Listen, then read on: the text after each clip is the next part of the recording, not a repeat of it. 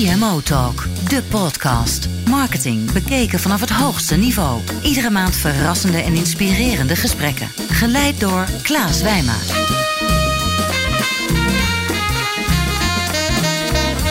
Welkom bij CMO Talk. Ik ben Klaas Wijma van Energize. En het is een eer om vandaag als gast in de studio te hebben Tex Gunning. Tex kennen we natuurlijk allemaal als voormalig marketeer of the maar bovenal ook voormalig CEO bij het recentelijk overgenomen TNT Express. Tex, van hartelijk welkom. Dankjewel Klaas. En het, het is maandagochtend, 10 Ja. uur. Ja. Dus eh, we moeten opstarten, maar ik heb er heel veel zin in. En laten we meteen doorgaan naar de eerste vraag, Tex. CMO Talk, aangeboden door Tijdschrift voor Marketing. Discussieer mee op hashtag CMO Talk. Vertel eens, hoe word je CEO van een bedrijf met 6,9 miljard omzet en meer dan 50.000 medewerkers? Nou, laat ik vooropstellen dat je een heleboel geluk moet hebben eh, in je carrière om, eh, om op zulke soort posities terecht te komen. En dat je een heleboel eh goede mensen uiteindelijk dankbaar moet zijn die je helpen daar te komen. Ja, en dan uiteindelijk, wat breng je zelf in natuurlijk? En ik denk dat een van de dingen die erg belangrijk is, dat je jezelf in je carrière op een soort journey zet van zelfontwikkeling. Ik heb me er eigenlijk altijd over verbaasd dat mensen na hun eh, zeg maar universiteit eh, gewoon stoppen met leren. Ze lezen niet meer, eh, ze reflecteren niet meer, ze bouwen geen tijd in voor zichzelf om, om stappen te maken. Natuurlijk, als je carrière wil maken, dat is topsport. Ja. En topsport betekent 24 uur per dag, 7 dagen in de week. Leren, leren, leren, groeien, groeien, groeien. Eerlijk coaching hebben, of van jezelf of van anderen. Wat er verbeterd moet worden, wat er goed gaat, wat er niet goed gaat. En als je jezelf op die journey kan zetten en uiteindelijk het juiste doet, ja, dan denk ik dat je kansen maakt op zulke soort posities. Ja, het bekend is ook hè, in continuous learning het belang van een coach. Je noemde het zelf ook kort. Hè? Steve Jobs had ook een coach. Had jij zelf ook een coach? Ik had geen coach, maar ik had wel veel role models. In trainingen vragen ze vaak wie is je role model? Ik denk Ja. Mhm. dat dat de verkeerde vraag is. Ik denk dat je moet zeggen wie zijn je role models? Ja, meerdere. Hè, want iedereen heeft natuurlijk de good, de bad en de ugly in zich. Mhm. Eh, dus van die pak je dat goed, van die Ja. pak je dat goed. En, van die- en de uglies van anderen kan je ook een hoop van leren. Ja. En, en- wie zijn dan, als we het dan toch over die role models hebben, wie zijn die bij jou? In mijn carrière eh, er kan geen twijfel over bestaan dat Floris Maljers, de chairman van Unilever, heeft op mij het meeste invloed gehad. Eh, die man was gewoon briljant en akelig gedisciplineerd. eh, en die liet mij zien waar de benchmark lag. Hè. Dus ik begreep opeens dat ik echt veel harder moest leren en studeren. Om mezelf hè, op een volgende niveau te brengen. En waren er nog andere role models? Ja, eh, het is natuurlijk een leading question, maar Ja. je weet het antwoord erop. Ja. Ja, ik heb eh, ooit in eh 2000, 2001 een eh, spirituele leider ontmoet, Mhm. Daddy Yankee. Die leidt een organisatie van meer dan een miljoen mensen. Zo. Eh, die mensen verkopen niets eh, en hebben genoeg geld. Nou, ik denk, daar kan ik wat van leren. Ja, interessant. Dus die heeft mij zeg maar vaak gecoacht en eh, ook als role model gefungeerd. En ik heb hun natuurlijk heel vaak bestudeerd. Hoe leid je nou een organisatie van een miljoen vrijwilligers? Die allemaal eh, zeg maar hun leven eh, en hun diensten aan zo'n NGO geven. Ja. Niks verkopen eh, en toch genoeg geld hebben. En wat doet die NGO precies? Ik ken de Nou, organisatie. het is, een, het is een, eigenlijk een universiteit, een spirituele universiteit. They teaching spirituality. Ja, Dus het zijn teachers in feite. En daar kan je dus een hoop van leren. ja, En dat is ook vaak een van de dingen, en daar komen we straks nog wel op, Ja. denk ik, die mist bij mensen. Hè. Mensen worden natuurlijk intellectueel ontwikkeld op school. ja. Eh, ze worden sociaal ontwikkeld in hun hele leven, zeg maar, op school en, en studententijden. Nou, fysiek eh, doen we in Nederland natuurlijk ook vrij goed. Hè. We hebben veel sportfaciliteiten. Maar zeg maar, de, de mens zelf Ja. ontwikkelen, of je dat nou spiritualiteit noemt, of je noemt het bewustzijn, dat maakt helemaal niet uit. Ja. Wie ben je? Wat wil je? Wat kan je? Wat is jouw gift? Hè? Wat breng je naar deze wereld? Ja. Eh, ik denk dat dat een missing link is, die eh, ontzettend belangrijk is als je uiteindelijk gelukkig wil worden en als je uiteindelijk succesvol wil zijn. ja. Nou, we komen er inderdaad straks Ja. nog wat meer op terug, ook over de lessen. Ehm, toch een klein stukje actualiteit. Ik moet het natuurlijk vragen. In mei, eh, het was natuurlijk al, het, gonst al veel langer in de ma- markt. Maar eind mei officieel dan ook de press release dat het Amerikaanse FedEx Ja. TNT Express overnam. En ik kan me voorstellen dat dat, nou, helemaal vanuit je voormalige positie als CEO, wat met je persoonlijk doet, maar natuurlijk ook met de mensen. Maar het is ook de tweede keer in je carrière Ja. eh, dat het je overkwam. Is dat toeval? Als we het dan toch hebben over Nee, spiritualiteit. Nee, dat is natuurlijk geen toeval. hè. Ik krijg eh, geen normale banen. Eh, ik krijg juist de banen die net iets anders zijn. En Hmm. TNT was echt een weeskind. Een weeskind waar de ouders niet in geïnvesteerd hadden. Het werd doorgegeven van de ene familie naar de volgende familie. Het, ging, het is bij de postbedrijven terechtgekomen. Het is bij het oude PTT terecht geweest. UPS heeft het natuurlijk geprobeerd. En nou bij FedEx. Kijk, uiteindelijk had TNT geen zelfstandig bestaansrecht. Uh, er moest heel veel gebeuren in dit bedrijf. Uh, het was ondergeïnvesteerd. Er waren geen goede processen. Er waren geen goede mensontwikkelingstrajecten. Uh, dus het bedrijf had een enorme achterstand. Dat is één. Twee, in die industrie, hè, de parcelindustrie, expressindustrie, mm moet je eigen global networks hebben. Nou, en wij waren eigenlijk alleen maar sterk in Europa en niet sterk in de rest van de wereld. Dus ik denk dat nu TNT bij de juiste parent terecht is gekomen. Ook met de juiste capaciteiten en mogelijkheden om te investeren. En ik denk ook dat de TNT'ers blij zijn. Eindelijk rust, eindelijk een, een, een, familie gevonden, een parent gevonden. Waar er zorg is, waar er geïnvesteerd kan worden en waar er een toekomst is. En waar het kind ook verder kan opgroeien. En waar het kind kan verder opgroeien. Prachtig, mooie metafoor. Je bent nu 65, Tex. En is het nu tijd voor je welverdiende pensioen? Dat is natuurlijk al eerder in media verschenen. Of ben je alweer stiekem aan het dromen over een volgende stap? Nou, zoals ik net zei, ik krijg natuurlijk nooit normale banen. Ik ben inderdaad in gesprek op het ogenblik. Uh, en we zullen zien wat eruit komt. Van praktische tips tot visie. Dit is CMO Talk. We gaan naar de eerste stelling. De kunst van marketing verandert niet. Uh, de omgeving verandert. Ja, ik denk dat marketing fundamenteel nooit verandert. Maar ik denk wel dat, uh, zeker nu, de, dat de middelen die we tot onze beschikking krijgen, totaal, maar dan ook rigoureus aan het veranderen zijn. Ik heb me eigenlijk jarenlang verbaasd dat marketing uh, weinig progressie gemaakt heeft in zijn ontwikkeling. Mm. Uh, er is weinig vernieuwend gedacht. Ik moet zeggen dat het werk wat uit het Ehrenberg Instituut komt uit Adelaide ons allemaal helpt. Hè. Dat is echt fundamenteel goed onderzoek. Daar ben ik heel blij mee. Maar ik zou toch ook onze marketeers uh, willen aanmoedigen om toch weer eens wat fundamenteler na te denken over hun rol en de rol van marketing en de rol van merken. En hoe zouden ze dat kunnen doen? Wat is de eerste stap die ze daarin kunnen zetten? Kijk, je hebt een bepaalde attitude nodig en een bepaalde intentie nodig om uiteindelijk tot de juiste gedachte te komen. Mm -hmm. Ik zat vanmorgen te denken, we hebben altijd over dienend leiderschap. Hè? Ja. Dat is een begrip. Ja. Maar je hebt eigenlijk gewoon dienende merken nodig. Ja. Als een merk dienend is, Oftewel, het zit daar met de juiste intentie om de consument te dienen. Ja. Er zit een caring attitude in van, joh, waar kan ik die consument nu mee bij helpen? En je zet dat merk neer ook met de juiste attitude. Ja. Een attitude wederom van uh, dienend, care. Uh, onvoorwaardelijkheid. Onvoorwaardelijkheid, abundance. Mm.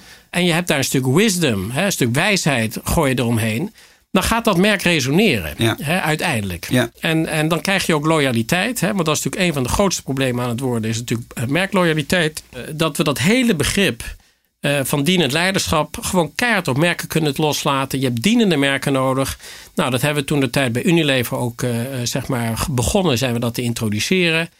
Uh, maar ik vind dat de marketeer dat zelf ook moet gaan doen. Die moet zeggen: oké, okay, wat kan ik met mijn merk betekenen voor deze groep consumenten of voor een hele wijde groep consumenten? Wat zijn nou een aantal voorbeelden van eigen tijdse merken die dat heel erg goed begrijpen? Dat is een moeilijke vraag. Ik weet dat niet. Uh, ik denk dat we het geprobeerd hebben bij Unilever met een merk zoals DAF natuurlijk. Ja. We hebben het geprobeerd in het Verre Oosten met Lifeboy. Ik denk dat Unilever nog steeds probeert al die merken, zeg maar, een brand definitie te geven waarbij ze een soort sociale map, map mm -hmm. maken. Mm -hmm. Ik ben niet zo'n voorstander van het begrip sociaal, want ik denk sociaal dat is altijd conditioneel. Mm -hmm. uh, sociale verhoudingen zijn conditionele ja, verhoudingen. Ja. Ik denk dat je gewoon veel meer moet zeggen. Uh, waar kan ik deze consument mee helpen? En als je dat heel goed doet, als je dat heel zuiver voor jezelf definieert, dan ga je zuiver denken. Ja. En als je zuiver denkt, dan kom je uiteindelijk tot uh, expressie van je merk en, en tot een, een communicatiestrategie van je merk. Die gaat resoneren. Daar ben ik absoluut van overtuigd. En nou vind ik hem best spannend, want in de vorige jobs die je hebt gehad als CEO met commercieel eindverantwoordelijk, ook natuurlijk voor de beurskoers, voor de profitability van, Ja. van een merk. Dat komt dan nog wel, eens, kan ik me zo voorstellen, in geding. Nou je ja, dat, dat is natuurlijk het, droevige eh, dat dat eh, gesuggereerd wordt. Hè, Mhm. Dat dat een soort paradigma is. En ik maak even het verband met dienend leiderschap Ja. en dienende merken. Eh, ik heb aan nou echt duizenden mensen gevraagd. Voor wat voor organisatie zou je het liefst willen werken? Of voor wat voor soort leider zou je het liefst willen werken? Mensen kunnen dat in 10 tot 15 minuten op een whiteboard zetten. All over the world. Chinezen, Fransen, Engelsen, iedereen. Universal principle. Universal qualities, universal needs van mensen hebben. En dat is, ik wil graag werken in een omgeving waar er een hoge uh, mate van verbondenheid is. Ik wil graag werken waar zinvolle relaties zijn, en zinvol werk is. Ik wil graag werken in een omgeving waar er respect en vertrouwen is en, en abundance, compassion.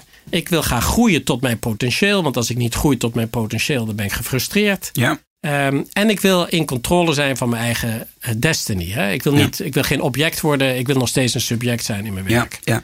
Nou, dus blijkbaar weten de mensen precies voor wat voor leiders en wat voor organisaties zouden willen werken. Ik denk dat je dat met merken precies zo kan doen. Je kan die metafoor gewoon keihard doortrekken. Ik denk dat als je met merken gewoon absoluut zegt: wie ben ik? Wat is mijn rol? Hoe kan ik dienen? Wat is de juiste attitude naar de consument toe? Dus er zit geen ego in. Uh, daar, zit, daar, zit, daar zit warmte en liefde in van het merk die zich echt in wil zetten voor de consument. Ik denk dat je dan je geld gaat terugverdienen en dat dus de beurs uiteindelijk ook geen issue meer wordt. Van praktische tips tot visie. Dit is CMO Talk. Even dan de stap naar TNT Express. Op YouTube gaf je eerder een bezielende lezing. Echt een prachtig verhaal voor de luisteraars die het nog willen bekijken. Over een gezonde en menselijke cultuur. Ik ben heel erg benieuwd, ook vanuit die zelfontwikkeling van medewerkers. Wat heb je onder jouw leiderschap gedaan om echt die individuen echt tot maximale wasdom te komen? Kun je een voorbeeld noemen? Nou, bij TNT hebben we daar dus geen tijd voor gehad. Hè, hmm. want de eerste anderhalf, twee jaar was het gewoon chaos. We moesten strategie ontwikkelen. We moesten mensen vervangen, helaas. Uh, we moesten, in feite waren we aan het overleven. Nou, als je aan het overleven bent, ja. dan is er geen ruimte om uh, allerlei ontwikkelingstrajecten in te gaan. Dus dat is in feite daar niet echt gebeurd. Hmm. Dat gezegd hebbende, denk ik wel dat wij als leiderschapsteam een zekere cultuur hebben kunnen neerzetten door ons eigen gedrag te rolmodellen. Mm Consistent te zijn, congruent te zijn. Maar bij AXO hebben wij wat we dan noemen die leadership journeys altijd georganiseerd. En daar hebben we in een periode van twee jaar 16.000 mensen hè, door zo'n journey heen gehaald. En wat was die journey precies? Ja, dat, dat is, dan ga je dus dat lijstje af van wat willen mensen. Mensen mhm. willen in verbinding leven. Oké, nou dus één onderdeel van de journey is dat mensen hun lifelines delen, zodat ze in verbinding raken. Ja. Mensen praten over hoe willen we met elkaar verder. Wat voor paradigma's, wat voor beliefs en feelings. Wat voor mhm. gedrag willen we met elkaar doen. Mhm. Je helpt mensen een week om zich te verbinden met elkaar op menselijk niveau. Niet op zakelijk niveau. Niet in hun rollen, maar als mensen. En dat verandert normaal altijd alles. Ik kan niet naar Klaas kijken als mens mhm. als ik zijn verhaal ken. Ja. Dus of ik zie een professional of ik zie ja. Klaas. Uh, dus ze zien of Tex als CEO of ze zien Tex als mens. Ja. Uh, en als je hem eenmaal als mens gezien hebt, kan je hem nooit meer als CEO zien. Nee, dat is het nee. moeilijke. Ja. En dat creëert verbinding. En die verbinding creëert natuurlijk een cultuur van veiligheid. Ja, en vertrouwen. En vertrouwen, waardoor mensen beginnen beter te groeien. Mensen beginnen aan de zelfontwikkeling te werken. Mensen beginnen zich prettiger te voelen. Nou, dat is precies wat je allemaal wil bereiken. Ja. Om ook nog betere resultaten te hebben. Wat ik altijd ook zeg, hè, niet dat het een, een, een mooie metafoor is. Hè, maar happy cows produce more milk. Ja. Hè? En dat is gewoon zo. Als je terugkijkt op je carrière, die nou, overduidelijk indrukwekkend is geweest. Wat zijn de drie hoogtepunten als je die zou moeten opzommen? Dat vind ik moeilijk. Ik moet zeggen dat het werken voor Floris Maljers is een hoogtepunt, want het heeft mijn leven veranderd. Die man die heeft gewoon de benchmark voor mij zo duidelijk neergezet. Uh, en de man was zo indrukwekkend dat ik begreep dat ik iets moest doen. Ik denk dat als we kijken naar de, de banen, ja, de hele ervaring in Azië vormt je natuurlijk als mens. Hè, want het is chaos natuurlijk in Azië. Zowel environmental is het chaos, als sociaal is het chaos. De, de inkomensverschillen zijn natuurlijk een chaos. En dat vormt je, uh, want je realiseert je dat dat gewoon niet sustainable is. Nee, nee. Waar heb je gezeten in Azië? Ik heb in Thailand gewoond Ja. en in Australië gewoond. En acht jaar uiteindelijk eh, in een regionale rol in Singapore gezeten. Ik denk dat dat heel vormend geweest is. Nou, en dan heb je de verschillende banen. In al die banen hebben we natuurlijk nieuwe dingen moeten leren. Uh, bij Unox, ja, dat was een hele bijzondere tijd. Want het bedrijf draaide heel slecht. Dat hebben we met een groep mensen uh, kunnen omturnen. Maar we hebben ook geleerd dat merk uh, op, een, op een hele bijzondere manier neer te zetten. Uh, mede natuurlijk door, door de, door de Elfstedentocht hadden we daar een doorbraak. Maar ook de duik in, Ja. in Scheveningen werd Ja. een doorbraak. Het was geen worst, maar de ritueel van het begin van het winter. Dat is ja, mij het is van... de gezelligheid. Uh, Het woord gezellig kwam natuurlijk enorm snel op in ons denken. En daar gingen we mee verder. En wat is dan in de winter gezelligheid? Ja, de eerste boerenkool op tafel. Ja. Het schaatsen. Ja. En die duik paste daar natuurlijk perfect bij. En ik begrijp dat er nu, weet ik veel wat, 90.000 mensen op 1 januari het water induiken. Dus... Uh, dus dat was een hele bijzondere periode, denk ik. Hoe, hoe ontstonden die ideeën, bijvoorbeeld voor zo'n duik? Hoe... Het was duidelijk dat de Elfstedentocht niet ieder jaar terug zou komen. Dus Ja. we moesten iets. We moesten iets anders verzinnen. We zijn toen, eh, die duik wordt dan door iemand genoemd, neem ik aan. Eh, daar gingen dus 60 mensen het water in. Zeiden, ja, die gaan wij, eh, die gaan wij claimen. Hè. Dat moet Unox worden. Dat kan niet anders, want het is Unox natuurlijk. Mensen koud water in, terugkomen, erwtensoep, worst, Ja. muts op, hoppa.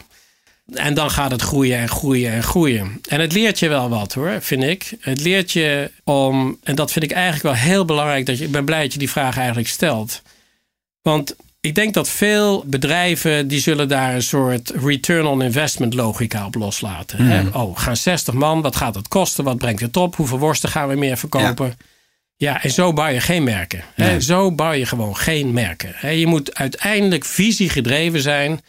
En het doet me pijn in mijn hart hoor, als ik zie hoeveel bedrijven eigenlijk eh, de marketing zo financieel gecontroleerd wordt. Hè, en iedere keer op korte termijn resultaten worden afgerekend. In plaats van dat merken op visie gebouwd worden. Spreadsheet marketing. Je spreadsheet marketing overleeft op het ogenblik verschrikkelijk. En ik vind het, en het is gewoon niet goed. Nee. En dat zie je ook in de winkels, hè, want het is weer eh, twee halen, één betalen. Hè. Je, als consument ben je gek als je gewoon nog een, eh, normaal product koopt. In ieder geval, zeker in de personal care eh, zie je dat. Hè. En omdat die merken gewoon niet meer gebouwd worden. Je moet een merk visiegedreven bouwen. Daar moet je budgetten achter zetten. Consistent budgetten achter zetten. Ja, en dan begin je met 60 man in Scheveningen. En je eindigt met 90.000 man. Of 70.000, ik weet niet hoeveel het is. Hè, die op 1 januari. En dan sta je ieder jaar weer op de voorpagina van de New York Times. Hè, je wordt op CNN gezien. Ja. Ja, dat is merken bouwen. Ja, dat, dat heeft betekenis. Ja. TNT staat voor de People's Network. Onder jouw leiderschap is die nieuwe payoff geïntroduceerd. Dat is natuurlijk veel meer dan een payoff. Dat is echt een intern programma ook geweest. Wat was de belangrijkste bewijsvoering van die belofte, de People's Network, terugkijkend twee jaar na de introductie? De sterkte en de zwakte van TNT was dat ze niet geïnvesteerd hebben in processen en in systemen. Dus in feite totaal afhankelijk waren van hun mensen. Nou, over een periode van 70 jaar was dat eigenlijk hun kracht geworden.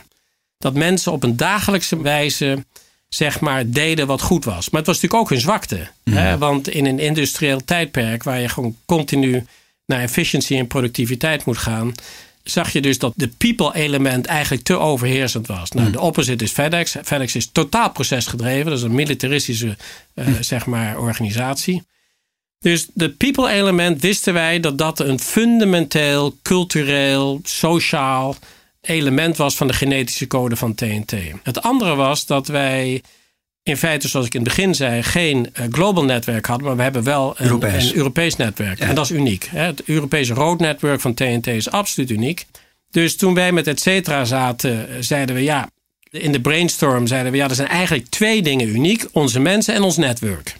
Nou, en dan ga je door eh, verschillende iteraties, sommige heel slecht, en je eindigt na drie sessies toch weer waar je begonnen Ja. was, with the people network. Nou, wederom, dat kan je niet testen. Dat lanceer je, visiegedreven lanceer je dat. Eh, en dan zie je daarna een enorme, enorm effect daarvan. Van mensen herkennen zichzelf weer. Ja, dat zijn wij. Daar staan wij voor. Wij staan voor onze klanten als mensen, niet als processen. En we zijn trots op onze heritage. We zijn trots op ons netwerk. En we zijn trots op onszelf. En dat had een enorm positief effect op de onderneming. Stelling. De waarde van de millennial als marketingdoelgroep wordt zwaar overschat. Ja, ik weet nooit wat de millennium is. Ik moet zeggen, ik denk twee, drie jaar geleden kwamen de hipsters op. Daar werd aan verbonden in het begin van nou, dit wordt een totale andere generatie. Want kijk maar, hè, ze zijn anders, ze gaan anders om met eh, moderne media, eh, ze kijken anders tegen auto's aan en et cetera. Ze zijn niet conformistisch. Nou zijn we drie jaar verder met de hipsters. En ik zie dat ze de meest conformistische eh, groep mensen zijn die ik denk ik in de laatste 40 jaar gezien heb. Waarom? Ze hebben allemaal dezelfde baard. Ze hebben allemaal hetzelfde haar. Ze hebben allemaal dezelfde bruine schoenen. Ze hebben allemaal hetzelfde blauwe pak. Uh, ze praten allemaal over coffeeshops. Uh, ze willen allemaal een auto. en ik vind het, ja, het irriteert me bijna hoe conformistisch die groep is geworden. En ik had, ik had echt gehoopt dat deze groep juist anders zou zijn, onafhankelijker zou zijn. en inderdaad zich niet zou conformeren aan nou, zelfs basale dingen als baarden, schoenen, pakken en auto's. Maar in de jaren zestig liepen de hippies natuurlijk met bloemen in hun haar. En, of was dat compleet iets anders? Was ook een conformistische ja, groep. Ja, dat denk ik ook. Dus herhaalt de geschiedenis zich niet? Ik, dat, maar goed, dat is dus ook, zit ook in je stelling. Hè, dat uiteindelijk wij als marketeers moeten, als we, als we zo'n fenomeen zien opkomen, niet gelijk weer moeten concluderen dat het anders is. Je moet zeggen, oké, wordt dit een trend voor de komende drie tot vijf jaar? Hoe lang wordt het? Mijn advies nu aan marketeers zou zijn: vergeet de hipster-trend, want die is voorbij. Die is absoluut voorbij. Ja. Uh, op een gegeven moment zeggen mensen: Oké, we hebben het gedaan, ik wil het niet meer zijn. Ik ben weer een jaar ouder, het eerste kind is er, die baard gaat eraf. En, uh, nou, en dan mogen de bruine schoenen blijven. Van praktische tips tot visie. Dit is CMO Talk. Je staat bekend om uh, nogal onorthodoxe marketingmethodes. Althans, zo mag ik de eerdere interviews geloven. Hebben Axel kwam het idee om de wereld te kleuren. Je ging met je team de woestijn in. En uh, nou, dat gaf je net ook aan. Je evangeliseerde ook soul searching. Toch even jouw inspiratiebronnen. Naast de, de leiders, de thought leaders die je net noemde. Waar haal je die inspiratie vandaan om, om met je team opeens de woestijn in te trekken? Twee dingen. Hè. Als het gaat over die, die merken, hoe je die merken neerzet. Dat komt van een, en dat kan ik niet genoeg benadrukken, van een diepe behoefte van onafhankelijk denken. Hmm. Dus je moet heel onafhankelijk kunnen denken om te kunnen zeggen: joh, waar, waar staat dit merk nou voor? Wat is nou de rol van dit merk in het leven van die consument? Mm En dan kom je natuurlijk bij verf al heel snel uit op een huis, op de belangrijkheid van een gezin en familie, et cetera. En en dat je dan kleur toevoegt aan iemands leven, is een, een hele duidelijke. Ja. En dat zou ik dus ook, dat hebben we ook al eerder gezegd in het interview. Hè, je moet echt vanuit dat merk naar die consument kijken en zeggen: Nou, hoe kan ik die consument dienen? Hè? Hoe kan ik mhm. een dienend, dienende attitude ontwikkelen, dienende intentie ontwikkelen? En als je dat in je denken verankert met een groep mensen, dan kom je vanzelf al uit op het juiste. Nou, en dat moet je dan inhoud geven. Hè? Dus dan moet je dat merk neer gaan zetten. Dus we hebben in vele steden hebben we natuurlijk uh, belangrijke projecten zijn we gaan verven. Uh, die film je dan, die breng je dan on air. Die zet je op social media. En dan wordt dat merk wordt natuurlijk groter en groter en groter en groter. Dus ik denk dat daar het belangrijkste zit. En je voelt de inspiratie. De inspiratie, ja. De inspiratie komt natuurlijk uiteindelijk van het doen van zulke soort dingen. Dat, wat er teruggegeven wordt aan je. Ja, dus Eerst zeg je, oké, we gaan dit goed doen. Hè. Je, kwaliteit. We gaan, ja, kwaliteit en het juiste doen. hè. Doing the right thing. Hè. Wat het dan ook mhm, mhm. kost en wat voor moeite het ook kost. We hebben het toen net over die spreadsheet marketing gehad. Kijk, het is steeds moeilijker, denk ik, om het juiste te doen. Als er spreadsheet marketing wordt gedaan. Als er geen geld wordt vrijgemaakt om het juiste te doen maar er wordt iedere keer gevraagd: ja, maar wat is dan het juiste? Wat kost dit dan? En je bent dus niet visie gedreven, maar je bent numbers gedreven. Ja. Ja, number-driven merken komen er nooit uit. Absoluut nooit uit. Ja, je moet visie gedreven zijn om je merken neer te zetten. Dan zet je zo'n merk neer. Dat op zich geeft inspiratie aan het team. Hè? Als, je, als je het juiste doet. Dan de feedback die je uiteindelijk krijgt van de markt geeft weer inspiratie. En dat leidt tot een een virtuous circle van, joh, blijf nou maar het juiste doen en gooi het juiste geld er maar tegenaan. Ja, en er zal wel eens een keer een inefficiëntie in zitten in dat geld. Maar uiteindelijk hè, moet je durven investeren in je merken. De impact van digitalisering van media en dienstverlening resoneert ook steeds vaker in boardrooms. Welke impact heeft het eigenlijk op ja, functies als de Chief Marketing Officer, Chief Digital Officer, Chief Information Officer? Hoe zie je die toekomst van die boardroom? Ja, ik denk dat daar uh, gigantische kansen liggen voor mensen. Het is altijd aardig. Ik spreek natuurlijk veel jonge mensen. Mhm. Dat veel jonge mensen vinden banen nu die nog nooit bestaan hebben. En dat is natuurlijk wel gaaf. Want dan kom je dus in een, zeg maar, een industriële onderneming terecht als jonge man of vrouw, begin 30 of misschien midden 30. En je bent eigenlijk al de koning van het onderwerp. Want de rest van de board zit daar te kijken en begrijpt er niks van. Nou, datzelfde hebben we bij TNT gezien, hè, waar we iemand hebben aangetrokken, een jonge Alsemgeest. En die heeft van binnen een jaar heeft hij 100 mensen kunnen aantrekken, omdat die mensen samen het digitale platform mochten gaan bouwen voor TNT. Met elkaar. Met sprints van twee weken delivery. Met alle zeg maar, procesgangen en kwaliteitsloops erin. Ja. Die je bij digitale werk ziet. Eh, en wij leren daar heel veel van. We hebben bijvoorbeeld eh, die digitale mensen die werken dus in sprints van twee weken. Omdat iedere twee weken moet er een release komen. Ja. Nou, dat hebben we op een gegeven moment in het vierde kwartaal bij TNT toegepast op de hele onderneming. En we hebben gezegd, oké, we gaan het resultaat van de komende 14 weken gaan we opsplitsen in resultaten van twee weken. Ja. Eh, en dat gaan we per twee weken managen. Nou, dat, is, dat heeft absoluut geleid tot het resultaat wat we gehaald hebben in het vierde kwartaal. Dus er is heel veel te leren. Dat is een operatie. Hoe manage je dat dan? Hoe, hoe buig je dan in één keer die cultuur om Nou, naar sprints? we hebben de top 80 gewoon eh, uit, uit hun werk gehaald. In Barcelona neergezet. En met de digitale mensen zijn we daar doorheen gegaan een paar dagen lang. En toen zijn we het gaan, eh, gaan implementeren. In je vraag zit nog een onopgelost probleem. Waar uiteindelijk zit digitale marketing? Juist. Zit het bij marketing of zit het bij digitaal? Ja. Om het zo maar even Ja. gepolariseerd te zeggen. Ja. Ja, ik persoonlijk denk dat het bij marketing zit. En dat de marketingmensen dus heel snel eh, zichzelf up to speed moeten krijgen om het digitale denken en, en de mogelijkheden van het digitale denken eh, onder de knie te krijgen. Natuurlijk zullen in de digitale hoek ook mensen zitten die affiniteit hebben eh, Met marketing. marketing. Dat zal ook gebeuren. Op het ogenblik is er veel discussie gaande bij ons. Jongens, al het marketing hoort bij digitaal. Mhm. En daar heb ik me zwaar tegen verzet. Eh, want kijk, uiteindelijk is marketing een art, is een kunst. Ja. Eh, die kunst die leer je niet zomaar eh, omdat je nou eenmaal in digitaal een paar jaar gewerkt hebt of bent opgegroeid. Daar zit 10 tot 15 jaar ontwikkeling in. Hè? Waar hebben we het toen net al allemaal over gehad, hè? Over, over hoe bouw je merken. Ja. Dus ik denk dat eh, dat probleem is nog niet opgelost. Waar hoort marketing thuis? Voorlopig denk ik dat digitaal thuis hoort bij de CEO. Die moet dat beschermen. Die moet dat plantje water geven en, en kunstmest geven.